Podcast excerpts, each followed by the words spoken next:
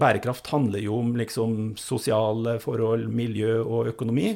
Eh, og man ender veldig ofte opp med å starte med klima, eh, av forståelige grunner, for det ser jo ikke helt lovende ut. Men poenget med bærekraft er at eh, det tar utgangspunkt i folk. Det er folk som skal ha det bra. Det er ikke noe vits å redde en planet hvor det ikke er noen folk som har lyst til å bo på. Så man skal skape det gode liv for folk. Mm. Sørge for at det er god, sunn økonomi som gjør det mulig med helsetilbud og hele greia. Mm. Og så må man gjøre det på en sånn måte at planeten fungerer like godt for neste generasjon som for, for oss.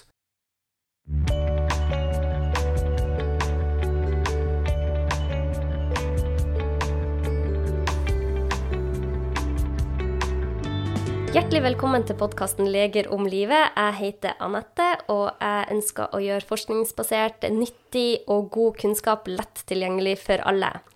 I dag er jeg så heldig å ha eh, han Ola Hedstein med som gjest. Han har 35 års erfaring fra den norske matbransjen. Han har en master i husdyrvitenskap fra NMBU, altså Norges miljø- og biovitenskapelige universitet. Han har jobba for Gilde med mattrygghet, kvalitetssikring og som direktør for matpolitikk. Og har jobba som spesialrådgiver for Landbruks- og matdepartementet. Som direktør for Stiftelsen Norsk Mat og administrerende direktør for organisasjonen Norsk Landbrukssamvirke. Men så tok han eh, rett og slett og starta sin egen eh, bedrift sammen med ho Siv Heimdal i høsten 2020 som heter Rethink Food, som er en påvirkningsbedrift for bærekraftig matproduksjon. Og som de sier på sine nettsider, skal jordkloden bli et bra sted å leve gode liv også i fremtiden, må bærekraftige produksjonsmetoder bli standarden. Og det er de ikke i dag. Derfor etablerer vi Rethink Food. Hjertelig velkommen, Ola. Tusen takk. Hva du får til, altså? Ja, det, Jeg vet ikke om jeg har fått til så mye, men eh, jeg har vært heldig og hatt et fantastisk godt uh, yrkesliv og fått lært noe i alle disse jobbene. Uh, og det ønsker jeg å bruke nå da i Reefing Food, hvor vi skal gjøre bærekraftig mat lønnsomt. Veldig bra. Vet du, det er musikk i mine ører. ja, vi, i dag skal vi snakke om antibiotikaresistens, men så leste jeg meg godt opp om deg og det du og Siv jobber for nå. og da kom det mange spørsmål. Så vi må ta de først, og så skal vi gå over til antibiotikaresistens. Det kan vi gjøre. Ja. Du har gått fra en trygg jobb som administrerende direktør til å starte en helt ny bedrift for å fremme bærekraftig matproduksjon. Hvorfor eh, tok du dette valget? Det er jo litt sånn personlig, eh, i tillegg til at det er eh, veldig fristende å jobbe med Siv, som jeg kjente veldig godt. Eh, men jeg har jo jobba i mange år, eh, passert 50. Eh, alltid hatt sansen for de som har skapa sin egen eh, jobb. Og fant ut at jeg må prøve det. Jeg må prøve å gjøre det. Og det vi jobber med, er jo noe jeg virkelig brenner for å ha gjort lenge. Eh, og nå er liksom tiden moden for å diskutere hvordan er det riktig å produsere maten, og hvordan henger det med, sammen med den store samfunnsutviklinga. Og jeg er så skikkelig irritert på de som spår at framtiden blir et dårligere sted å leve i enn det vi sjøl har opplevd. Eh, sånn kan vi ikke ha det. Framtiden skaper vi, og den skal vi skape på en bedre måte enn det vi har hatt selv. Fantastisk. Så du mener at det er håp, altså? Ja, hvis det ikke var håp, så hadde ikke jeg gidda gjort så veldig mye, rett og slett. Så hvis noen tar ifra meg håpet, så, så blir jeg provosert, og det er litt for mange dommedagspredikanter som riktignok peker på alvorlige eh, problemer og store utfordringer, men det er ikke noe vits i å skremme folk. Det er ingen som har lyst til å være med på en endring som garanterer dem at de vil ha det dårligere i framtiden, eller at deres barn vil ha det dårligere. Vi har et ansvar for å sørge for at barna og barnebarna våre eh, får muligheten til å realisere, sitt eh, gode liv. Og der er en sånn der er det en sånn eh, misforståelse. Bærekraft handler jo om liksom sosiale forhold, miljø og økonomi. Eh, og man ender veldig ofte opp med å starte med klima, av forståelige grunner, for det ser jo ikke helt lovende ut. Men poenget med bærekraft er at det tar utgangspunkt i folk. Det er folk som skal ha det bra. Det er ikke noe vits å redde en planet hvor det ikke er noen folk som har lyst til å bo på. Eh, så man skal skape det gode liv for folk. Mm. Sørge for at det er god, sunn økonomi som gjør det mulig med helsetilbud og hele greia. Mm. Og så må man gjøre det på en sånn måte at planeten fungerer like godt for neste generasjon som for, for oss. Ja. Så start alltid med folk. Hvis ikke så får du en feil verdi inn i bærekraftsinnholdet. Ja, og det er jo akkurat det. Når man leser aviser og sånn, så tenker man at det er nesten ikke vits å prøve. Det, her går det galt uansett. Men ja. det tenker ikke du stemmer? Nei, jeg gjør ikke det. Eh, altså jeg er jo, om ikke biolog, så er jeg jo med biologi utdanna, og mat dreier seg om biologi. Eh, og jeg er helt sikker på at vi overhodet ikke har utnytta muligheten i å få naturen til å fungere eh, best mulig for oss mennesker.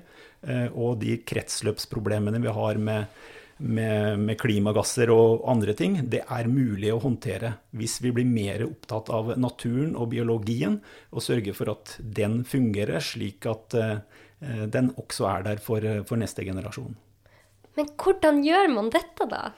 Nei, jeg, eh, jeg syns jo at det mye gjøres allerede. Jeg vil eh, bl.a. berømme eh, sånn klimapanelet til FN, altså IPCC, og biomangfoldspanelet deres, som ofte kalles Naturpanelet.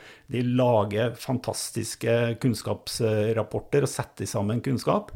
Eh, og eh, det som er problemet med disse rapportene, er alt vi ikke snakker om, som står i rapportene.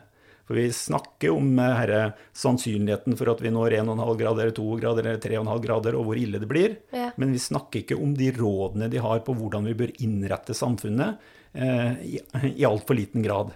Nettopp. Og hva er det man kan gjøre? Nei, altså det eh, eh, det, det, det, som er mitt utgangspunkt, er at eh, utfordringen framover og forutsetningen for å løse bærekraftsmålene, hvor klima er innarbeidet, eh, det er eh, utfordringen fram mot 2050. Eh, da skal vi liksom ha gjort veldig mye annerledes, og vi skal komme til et lavutslippssamfunn som treffer på bare 1,5 grads oppvarming. Mm. Da blir det viktig å produsere mer mat på et mindre jordbruksareal til en sterkt voksende befolkning. Mm. Håndtere kravene om reduserte klimagassutslipp fra matproduksjon og forsterke det biologiske mangfoldet. Det er den matpolitikken som Norge og resten av verden må fylle med, fylle med et innhold, eh, og det er fullt mulig. OK, så hvor er første Hva er første steg da? Det, man kan gjøre mye eh, lokalt eh, i, i, matsystemet, sørge for at eh, ting gjøres så bra som man har kunnskap om. Eh, men det vi er opptatt av, er at de, eh, de, de sterke rammebetingelsene, de kraftfulle rammebetingelsene, bidrar i rett retning. Ja. Eh, det er ikke mulig å få et bra matsystem hvis handelssystemer og standarder favoriserer billig mat produsert på sukker, fett og salt. Nettopp. Da funker det ikke. Mm. Så man må gjøre det som er eh, dårlig matproduksjon, mindre lønnsomt, mm. Eh, og få det mer lønnsomt og gjøre det på kjente og gode måter. Mm. Eh, og som et eksempel på, på, det, som vi kommer tilbake til, så, så er det med, med antibiotikaresistens. Ja. Det må ikke lønne seg å sløse med mat til dyr, fisk og kjæledyr. Og det gjør det i dag. Det lønner seg å gjøre det, for det er mer kostbart å sørge for at dyrene ikke blir syke, enn å bare dytte til dem med litt antibiotika for sikkerhets skyld. Ja, nettopp. For det er veldig mye antibiotika som gjør at de både vokser og ja, produserer ja. bedre. Mm. Men det jeg tenker, for det er veldig lett at vi blir eh, satt i forskjellige båser der vi kjemper imot hverandre. Og veldig mange som, som jobber døgnet rundt for å produsere mat for oss her i Norge, bl.a. bøndene, jeg kan forstå at de blir eh, veldig usikre på hva de egentlig skal gjøre. Fordi at det, det er ikke tvil om at de jobber hardt. Og nesten alle gjør jo absolutt så godt de kan. Men hvordan kan vi gjøre landbruk mer bærekraftig? Ja, det, Der er jo utgangspunktet i norsk sammenheng at vi jeg pleier å si at vi legger et hestehode foran veldig mange land. Her er det en, en matproduksjon som er tufta på veldig gode holdninger og et høyt kvalitativt nivå. Det er ikke bra nok og perfekt for sånn som vi må ha det i framtiden, men det er veldig mye bra å bygge på. Ja. Men det som Eh, som man opplever, da, er at eh, alt det andre som man skal konkurrere med i butikkene, eh, og mye av det som, mye av det som kommer som import, er produsert på dårligere standarder enn det de norske har, ja. og selges til en billigere pris. Nettopp. Og det syns jo ikke, ikke bønder og de som er da norske aktører, er rett. At de blir straffa ved at det lønner seg å gjøre det på en dårligere måte. Så det, det, jeg sa rundt eh, handelsavtaler, og det å bidra til at det er de gode produktene, de kjente, gode produksjonsmetodene som får størst konkurransekraft, er eh, hvis, hvis, eh, hvis, bønder og matindustri ser at politikerne virkelig går den veien og vil den veien, så blir de mer positive til å, å bidra til eh, endringen og investere inn i mye ny teknologi som finnes, som gjør det mulig å redusere både klimagassutslipp og, og forbedre det biologiske mangfoldet i Norge. Ja, så bra. Er det Dere jobber jo veldig hardt med dette. Men er det mange som jobber med det litt høyere oppe i organene i regjeringa og ja, altså det vil jeg si. Nå, nå, vet vi jo ikke helt med denne regjeringa for tiden, for den er jo under, eh, under, under etablering. Eh, men jeg opplever det veldig sterkt, og det var litt, eh, litt, litt også årsak til jeg torde å begynne med dette nå, at tiden er moden. Ja. Eh, I, i, for tre-fire år siden så ville jeg ikke våga å satse på det, for da var det ikke modent. Men nå er det, nå er det bærekraft som tema, med litt ulik og varierende forståelse av hva det er. Det er høyt oppe på agendaen til alle norske matbedrifter og alle norske matorganisasjoner. Eh, og man ønsker å finne ut hvordan det er eh, rett å utvikle seg, slik at den norske maten eh, blir attraktivt for både norske forbrukere og forbrukere i andre land. Man skjønner at det ligger en endring i det, og man har ikke oppskriften klar. Men temaet er modent, og det går an å snakke om det på en helt annen måte enn før. Nå, ja. nå går det an å si regenerativt landbruk uten at du blir tatt for å være en, en raring, eh, og det er ganske ferskt. Hva er regenerativt landbruk? Regenerativt landbruk eh, er eh, først og fremst at du opprettholder eh, jordas eh, helse og kvalitet og evne til å produsere nye avlinger neste gang like godt som det året du dyrka den. Så det handler om fornybarhet og vedlikeholde produksjonspotensialet i, i matjorda eh, og på beitene. Eh, litt sånn enkelt sagt. Ja, så vi trenger Det er jo, det er jo ytterpunkter. ikke sant? Det er de som ønsker at vi skal eh, kutte helt med dyrehold, og så er det de som ønsker mer økt kjøttforbruk. Ja. men det viser at vi faktisk trenger dyr og beitedyr for at jorda skal få næring, og for at dette skal være bærekraftig, rett og slett, og få det til? Ja, det, det, er, det er, helt riktig. Eh, så dyra har vært med oss i matproduksjon alltid. Og de som er opptatt av å spise eh, mye vegetarisk eller vegansk, Eh, de ønsker å spise planter som må ha eh, næringsstoffer for å, å vokse. Ja. Og hvis de samtidig vil ha lite bruk av kunstgjødsel, så er det da å bruke eh, kompost og gjødsel fra dyra som, som, er den måten du skaper sirkularitet på, og sunn, sunn og god jordhelse. Så det, det, det som ordentlig irriterer meg, det er når velmenende unge idealister som virkelig er bekymra for klima og jobber veldig med det, eh, lett konkluderer med at eh, ja, kanskje vi må slutte å spise eh, kjøtt fra drøvtyggere fordi de slipper ut metangass. Ja. Da har man virkelig ikke skjønt hvordan matsystemet henger sammen. Og det har i hvert fall ikke skjønt hvor viktig det er å produsere nok mat til en voksende befolkning i åra som kommer. Og, det der, og, derfor hvorfor det er riktig å utnytte gresset som står der, og som ikke kan spise som folk, ja. eh, men da bruke disse fantastiske dyra med fire mager, som omgjør dette til fett og protein og karbohydrater som vi kan spise. Så det inngår i matsendelen fordi det er et behov for de ressursene, og det, det har det Sånn har matsystemet alltid vært bygd opp, og sånn må det være også i fortsettelsen. Og man kan godt være vegetarianer eller veganer, eh, og, det er kjempebra, eh, sannsynligvis for eh, noen. Men man får ikke friske planter og all den maten man trenger å få spist som er bra for en, hvis ikke man har dyra. Nei, eh, du, treng, du, trenger dyra og fisken i, i matstedet. Ja. Eh, og så må du da si, bruke drøvtyggerne og fisken på den ja. riktige måte.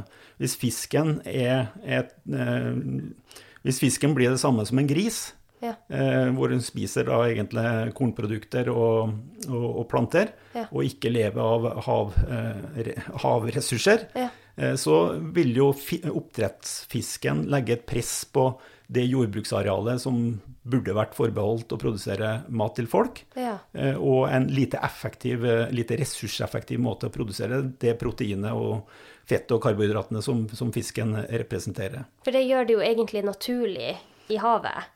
Det gjør det naturlig i havet, og mm. da må eh, fisken fortsatt være fisk, og ja. da spise det som fisker spiser. Ja. Og det samme gjelder eh, med drøvtyggerne. Vi må endre systemene sånn at det blir riktigst og mest lønnsomt at sauen og kua spiser mest mulig gress og er mindre avhengig av eh, importerte eh, karbohydrater og proteiner. Ja. Du sa en veldig god setning før vi begynte å spille inn. Du sa at helsa vår er avhengig av helsa til dyr og planter. Og det syns jeg var så utrolig godt sagt. Hva mener du med det? Nei, det, det jeg mener, er jo det som ofte nå omtales som eh, at vi har én helse i verden, ja. Eh, one global health, eh, og som egentlig går på akkurat det at for at folk skal være friske, så er det en forutsetning at maten også var frisk mm. som levende organismer. Dvs. Si at dyrene er friske og trenger lite medisinering, og at plantene er friske og trenger en lite bruk av plantevernmidler for å, å vokse og, og fungere. Mm. Eh, og det å se på den sammenhengen på, med at eh, friske folk må ha god og riktig mat, eh, produsert på en god måte, mm. som gjør at man er minst mulig avhengig av medisinering eh, og plantevernmidler, mm. det er noe som henger på grep for meg, og som tydeligvis henger på grep for stadig flere. Ja. Eh, og der vil jeg si at eh, norske myndigheter er forbilledlige i forhold til å fronte eh, dette internasjonalt. Og jeg syns de akademiske institusjonene vi har, med universitetet jeg gikk på ute på Ås og, og i Oslo, mm. er gode på å løfte fram disse forholdene. Nettopp. Jeg føler at hvis vi hadde sagt dette for ti år siden, så hadde det blitt tolka feil. Men jeg tror at flere og flere faktisk innser at det, det er en sammenheng med alt. Ja. Vi mennesker kan ikke eh, gå rundt og tenke at vi skal være friske hvis ikke jorda vår er frisk.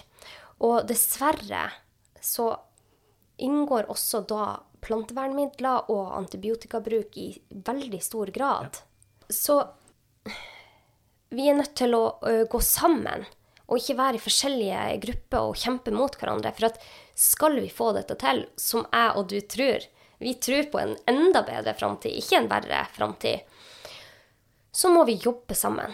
Vi kan ikke si at OK, jeg er alt eter. jeg syns at vegetarianerne er helt på jordet, eller motsatt. Hvis vi går sammen og sier OK, vi ønsker at dyrene skal bli behandla godt, vi skal behandle plantene og naturen bra, og da får vi jo det bra, så vil vi få til utrolig mye. Ja, det, det, er jeg enig i. Og det er i hvert fall lite å hente på at man eh, har en polariserende eh, samfunnsdebatt. Eh, det er, det er på trynet å stemple veganere som noen idioter som ikke skjønner eh, hvordan de må leve. Ja. Og det er like ille eh, hvis veganere stempler bønder som umoralske fordi de holder på med, med dyr. Spørsmålet er alltid hvordan gjør vi det på en riktig og god måte, som skaper mulighetene for det gode liv for de framtidige generasjonene. Vi blir, eh, eh, vi blir en 10-11 milliarder inn mot eh, 2050. Eh, Det er ganske mange mennesker. Eh, De, det gjør at vi må øke tilgangen på mat. Ikke bare øke matproduksjonen, men fordele den riktig og slutte å kaste og sånne ting. Mm. Men at vi må øke tilgangen på mat med, med 50% i forhold til i dag. Og vi vet at eh, den maten må vi produsere uten å dyrke mer jordbruksland. For vi må bruke skogene til å binde karbon, og vi må eh, ha plass til at naturen kan opprettholde det biologiske mangfoldet. Og da er en av deres grunnprinsipper dette med verdisirkler. At man kan bruke det igjen og igjen, de samme landområdene. Ja, det, eh, det er eh, viktig eh, å bruke ressursene og skape minst mulig avfall. Det gjelder i alle verdikjeder eller vareproduksjoner. Ja. Men på naturen så er det spesielt viktig når man slutter med fossilt, fossil olje, gass og kull. eh, Skal eh, nesten eh, komme ned i null på det inn mot 2050. Da vil du trenge alternativer og substitutter til olje og gass. Og de alternativene de ligger i havet, i jorda og i skogen. Så det blir et enormt press etter hvert, slik vi ser det, på hvordan bruker du de biologiske ressursene mest mulig fornuftig, og hvordan sørger du for en fornybarhet i måten vi da vedlikeholder alle økosystemer med, med matproduksjon som en del av det. Ja, for akkurat nå så er det mye snakk om at vi bruker opp jorda. Hva det betyr at vi bruker opp jorda? Nei, det, eh, En måte også å si det på er at hvis du drar til Midtvesten eh, i USA, hvor de har eh, hvor de har fantastisk godt eh, jordbruksland, og er noen slektninger der som har vært og sett på det. Men der sier man jo at liksom jordsmonnet har sunket med mm, ja, la oss si da, er flere ti centimeter. Eh, Jeg har ikke tallet foran meg, men det har sunket masse. Eh, Og det er fordi at eh, karbonandelen i jorda har blitt mindre og mindre, og det blir mer og mer komprimert. Og det betyr at vi mister eh, en del eh, matproduksjonsforutsetninger på eh, det jordbrukslandet. Og det er jo ikke bra. Også Et annet eksempel vil være at du, eh, du blir avhengig av å dytte inn mer og mer kunstgjødsel for hver vekstsesong for å kompensere for dårligere jordkvalitet og dårligere jordhelse. Ja. Slike ting eh, ødelegger produsere, eller muligheten for å produsere nok mat i, i fremtiden, og det er mulig å unngå. Så du kan ikke bare pøse på med mer og mer kunstgjødsel for å få jorda til å fungere. Nei, det kan du eh, ikke, og mye av den kunstgjødselproduksjonen som er i verden, den er jo eh, basert på nettopp fossile ressurser, gjerne gass, for å lage den kunstgjødselen. Ja. Eh, Og da er vi jo inne i den, den, den fossile eh, verdikjeden som eh, vi skal redusere for å da unngå, eh, eller få redusert klimagassutslippene.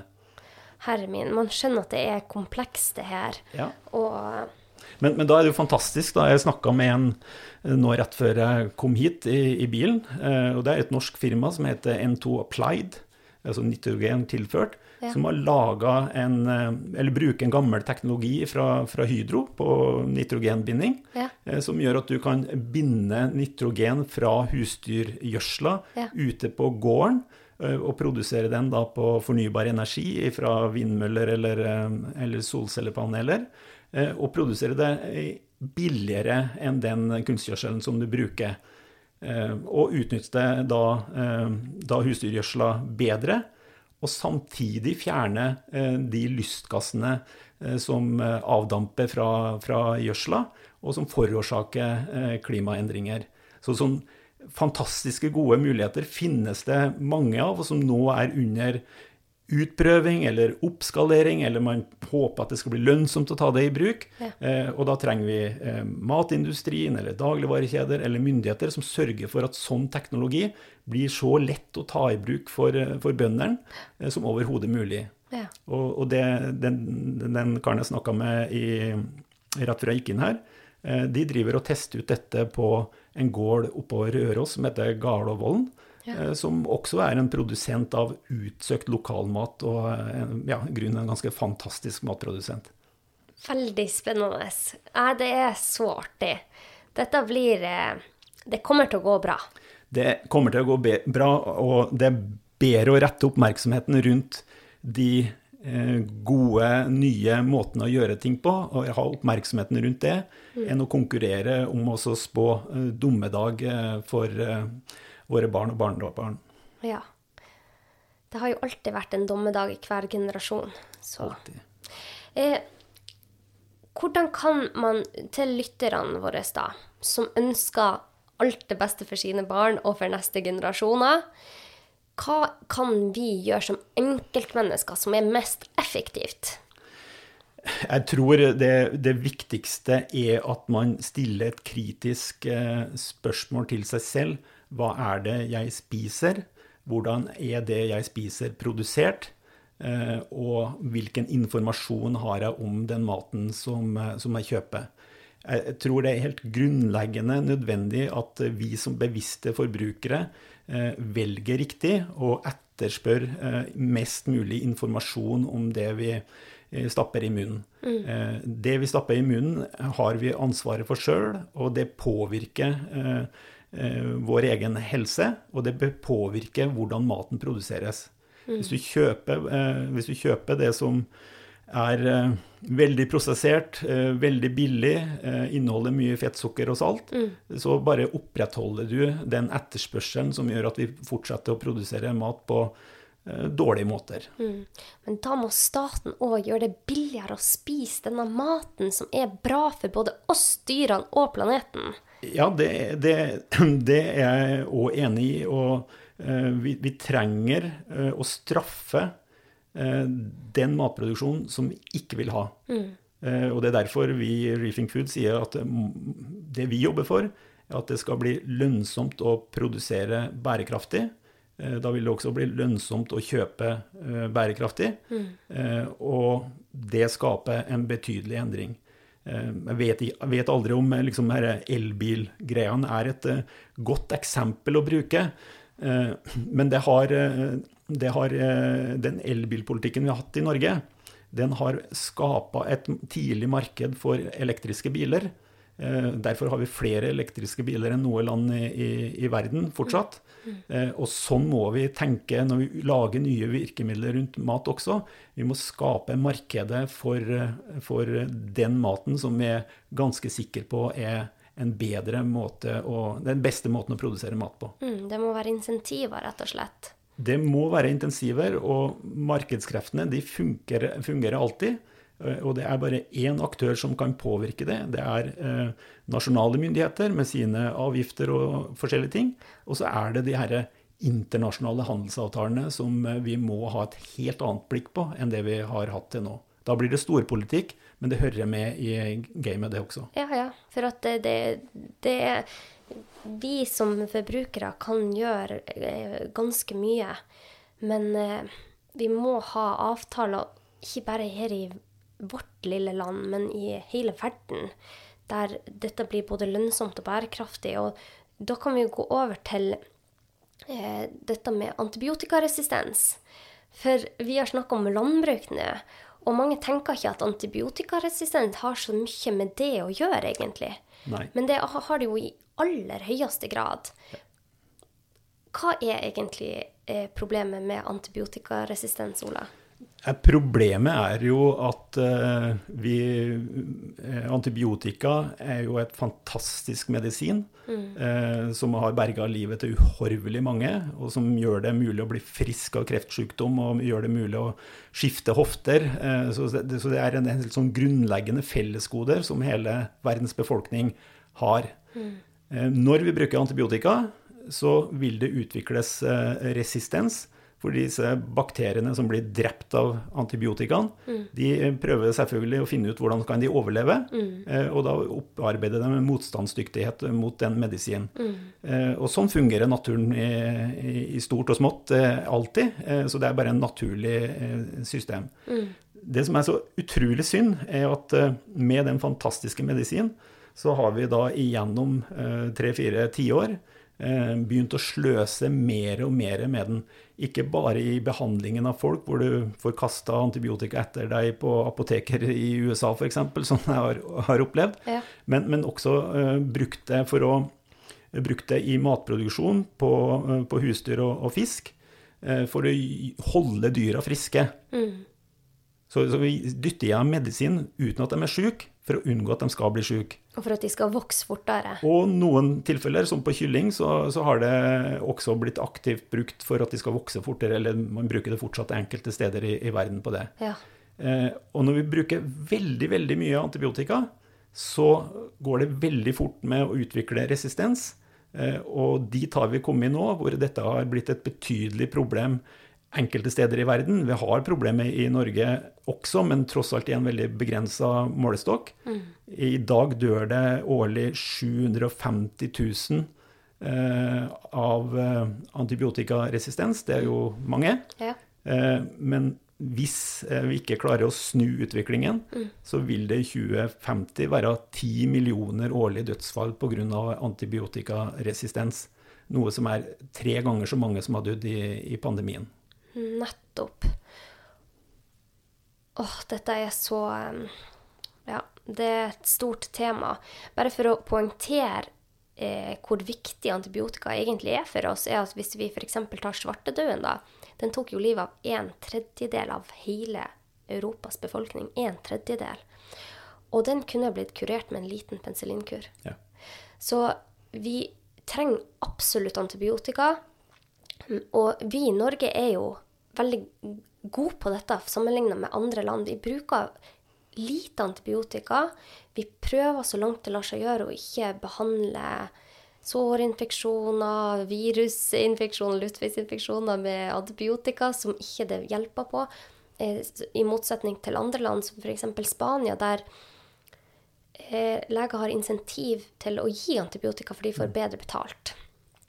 Men for at vi, selv om vi i Norge har klart å gjøre veldig mye bra, så har vi en vei å gå her. Og blant annet så ser jeg på eh, behandling av konjunktivitt, altså øyekatarr.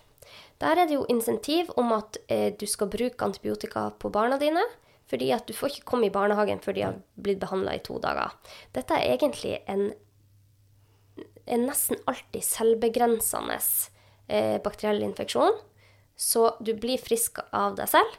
Men hvem kan være hjemme med barn i fem dager hvis de ikke får lov å være De får ikke jobba, ikke sant? Så vi har en vei å gå her. Men vi gjør kjempemye bra. Men det aller viktigste er faktisk å få disse store avtalene som dere jobber med, med å, at det blir globale avtaler. Ja, og at de blir internasjonalt forpliktende. For i, jeg tror det var 2014 eller 2015 så hadde FN et høynivåmøte eh, hvor man virkelig satte antibiotikaresistens på agendaen. Så dette er jo en kjent problem eh, hos helsemyndigheter som de virkelig tar på alvor. Og så stimulerer man da til at eh, alle land skal kartlegge og skaffe seg oversikt over og prøve å lage retningslinjer for hvordan du behandler den øyekataren som du, eh, du beskrev. Eh, Men vi vet jo at dette er ikke kraftfullt nok. Eh, og, og, og i tillegg så har du den situasjonen som er på, eh, på mat og husdyr og fisk, eh, hvor vi også er kjempegode i Norge og bruker veldig lite. Og en bruker vanvittig mye mer i spesielt Asia og Amerika. Ja. Og en annen dimensjon ved antibiotikabruken er jo også at det er anslått at det dør årlig 5,7 millioner mennesker fordi de aldri får tak i den antibiotikaen. Nettopp. Som vi driver og sløser rundt eh, med enkelte steder i, i verden og bruker feil til, eh, til dyra. Ja. Men det er så mange som da faktisk aldri får tilgang til antibiotikaen. Så vi har et stort fordelingsproblem også. Litt tilsvarende sånn som vi har eh, opplevd med vaksinene, hvor eh, det er vel knapt 4% av Afrikas befolkning som er vaksinert, mm. mens vi dundrer ut med tredje dose i de rike vestlige landene. Ja. Så den fordelingsoppgaven på et fellesgode er, eh, er viktig. Og antibiotika er en felles ressursmedisin ressurs, medisin, som vi alle nyter eh, godt av. Mm. og bruker vi den feil, så vil vi alle miste den. Nettopp. Så hjelper ikke å være eh, flink i Norge, Norge på helsesiden eller på matsiden. Da, eh, da vil vi til slutt bli tatt igjen av eh, resistente bakterier som sniker seg over landegrensene før eller seinere. Det er akkurat det. For at problemet med antibiotikaresistens er at plutselig ikke antibiotikaen virker hvis du får en infeksjon med en bakterie som har klart å lure seg unna, og det er ingen antibiotika som fungerer på den. Det er det store problemet. Og hva tenker du må til nå? Nei, så, eh, det, det vi tenker, eh, og vi tenker jo ikke alene bare i Reefing Food, som er en liten nystarta virksomhet, mm. men eh, det vi har kommet fram til sammen med Kreftforeningen, Leger uten grenser, Bellona og noe som heter Norsk folkerettsinstitutt, det er at her trenger vi å påvirke politikerne til å lage rettslig bindende internasjonale avtaler, eh, da i form av en konvensjon. Eh, Og eh, for å få til det, så må temaet være på agendaen. Ikke bare blant fagekspertene, som har dette veldig høyt opp på agendaen allerede, men det må være på agendaen politisk. Så, så vi har satt i gang en, en kampanje som vi kaller antibiotikakampanjen, som skal utvikle seg til en internasjonal kampanje for å mobilisere opp sivilsamfunnet til å øke et påtrykk overfor politikere til å få utvikla en slik internasjonal eh, avtale. Ja, du, dere er virkelig i gang. Ja, dette er, dette er i, i, jakten på en sånn bærekraftig utvikling av både mat og samfunnet generelt, så er dette en lavthengende frukt. Ja. Det kan høres eh, litt sånn ambisiøst og eh, far-fetch ut, Ja. men, men det er jo noe veldig konkret. Vi vet at det vil virke hvis det blir vedtatt. Eh, og da er vår jobb å sørge for å bidra med eh, et påtrykk fra sivilsamfunnet til å få politikerne til å handle eh, og bruke den myndigheten de har. Det er kun de som kan lage internasjonalt bindende avtaler. Ja, tror du den nye regjeringserklæringa vil inneholde en politisk satsing nasjonalt og internasjonalt for å bremse denne utviklinga? Jeg har veldig store forventninger til det. Vi, vi, vi hadde en sak eh, på Stortinget i juni. Eh, Da var det et sånn representantskapsforslag som hadde kommet på, på antibiotika. og da Eh, Da snakka vi en god del med de, og fikk de til å legge inn en, eh, en felles uttalelse, en flertallsuttalelse, både regjering og opposisjon, eh, som eh, peka i retning av en slik internasjonal konvensjon. Eh, Og det vil jo være rart hvis opposisjonen har fått med seg den forrige regjeringen til å lage et sånt påtrykk, og man ikke følger opp nå når de får makt og myndighet. Det, det vil det vil være en veldig negativ opplevelse som innebærer at eh, vi må plage disse helsepolitikerne i Senterpartiet og Arbeiderpartiet noe skikkelig hvis det ikke kommer gode signaler i den regjeringserklæringen. Ja, da får de deg på nakken, og det, det vil de ikke. Ja, de, de får meg på nakken, og de får eh, ikke minst eh, Kreftforeningen, som, som vet jo så veldig godt at den enorme gode framgangen i behandling av kreft som vi har hatt eh, i vestlige land de siste årene, den vil jo forsvinne som dugg for solen hvis eh, vi ikke klarer å bevare antibiotika som en virksom medisin. Nettopp. Så løsninga for antibiotikaresistensen er å få nasjonale og internasjonale avtaler der man får redusert antibiotikabruk. Prøve å kutte antibiotikabruk i dyreproduksjon. Ja. Prøv å unngå så langt det lar seg gjøre å behandle eh, pasienter med antibiotika hvis ikke det er nødvendig.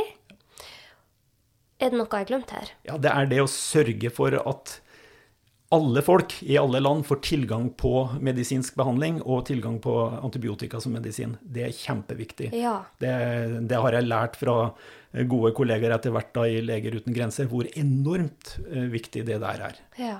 Det må vi ikke glemme. Vi som sitter i, med våre ilandsproblemer i, i Norge, vi må huske på at eh, verden ser veldig annerledes ut hvis du reiser et stykke øst og vest og sørover. Mm, nettopp. Vi er privilegerte. Vi er veldig privilegerte, og derfor tenker jeg at vi òg må jobbe hardt for at det skal bli likheter og forbedre denne verden. Ja. Det... For vi kan klare det. Vi kan klare det, og, det, det, som er så bra eh, når vi først har skapt et så godt land som Norge er, mm. det er at vi har forutsetningene til å vise veien og fremme forslag eh, og vise at det går an.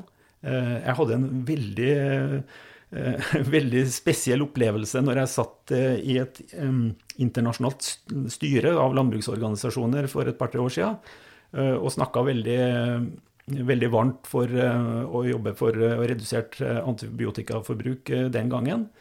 Og så la jeg fram tallene, da, det var mange asiatere, så la jeg fram tallene liksom, på hvor mye bruker vi i Norge. Og vi er jo sammen med Island og Sverige liksom det absolutt, de tre landene som bruker absolutt minst. Eh, og de trodde jo jeg sto der og løy. De trodde jeg drev på med ren forfalskning. De så det som helt usannsynlig at det kunne fungere på den måten der. Ja. Og når jeg fortalte at eh, veterinærer har ikke lov til å selge antibiotika, så lurte jeg på hvem jeg selger det da. Hæ. Så eh, altså, alle spillereglene er helt annerledes. Ja. Eh, når veterinærens inntekter er knytta til medisinsalget, ja. og ikke hans evne til å behandle, mm. så sier det seg jo sjøl at han foreskriver ganske mye medisin Natt. for å ha god økonomi. Og sånn kan det jo ikke være, og slike ting er det mulig å slå en strek over. Og man skal jo bare fly en liten tur til Spania, og så er det akkurat likt for legene. Ja. Så det er Det er nesten ut utrolig. Men eh, ja, det fungerer her. Vi får det til. Vi har et lite forbedringspotensial i Norge òg, men vi kan i hvert fall vise hva vi har fått til på relativt kort tid. Det har jo skjedd enorme endringer i antibiotikabruk i Norge på ganske få år. Ja. OK, Ola. Nå får vi runde av. Jeg kunne ha snakka kjempelenge med deg, men eh, jeg tenkte jeg skulle spørre deg om en siste ting. For vi har jo snakka om de sånn store sammenhengene her, og alt henger sammen. Og det er ikke sånn at eh, vi bare kan eh, tenke at det er en løsning på problemet. De fleste problem har mange faktorer som spiller inn, og derfor må man se på flere faktorer. Men eh, det jeg tenker å spørre deg om, er hva gjør du for egen helse, og hva tenker du er bra for hver enkelt i det hele? Ja, jeg gjør sikkert eh, altfor lite. Eh, men jeg er opptatt av, og har blitt opptatt av, jeg har passert 50 år, eh, og blitt veldig opptatt av eh, det å holde meg i form. Og jeg er ikke noe treningsnarkoman, men jeg er opptatt av å bevege meg. Det tror jeg er, er viktig. Og så har jeg lært av min kone Alvild, som er flink til å lage mat og veldig bevisst på det. Jeg har lært veldig mye om viktigheten av å spise, spise sunt. Og så er jeg opptatt av å forstå hvordan mat produseres, og hvordan matsystemet funker.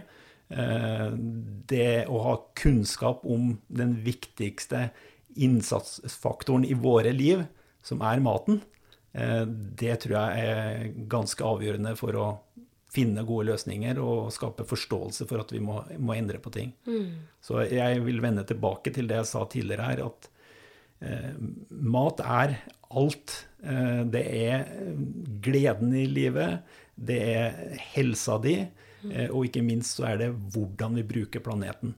Og da bør eh, Jeg skal ikke si at folk må, men jeg oppfordrer alle til å bry seg mer om maten og matens tilblivelse.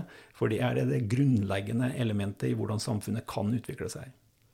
Veldig godt sagt. Eh, vi avslutter med det. Tusen hjertelig takk, Ola, for at du ble med i podkasten. Og eh, da tenker jeg bare å si at hvis det er noen som hører på denne, så tenker jeg at det er andre som har nytte av denne episoden, send det til dem, for vi trenger å få spredd denne kunnskapen. Tusen takk for at du ble med, Ola. Bare hyggelig. Ha en fin dag, alle sammen. Ha det godt.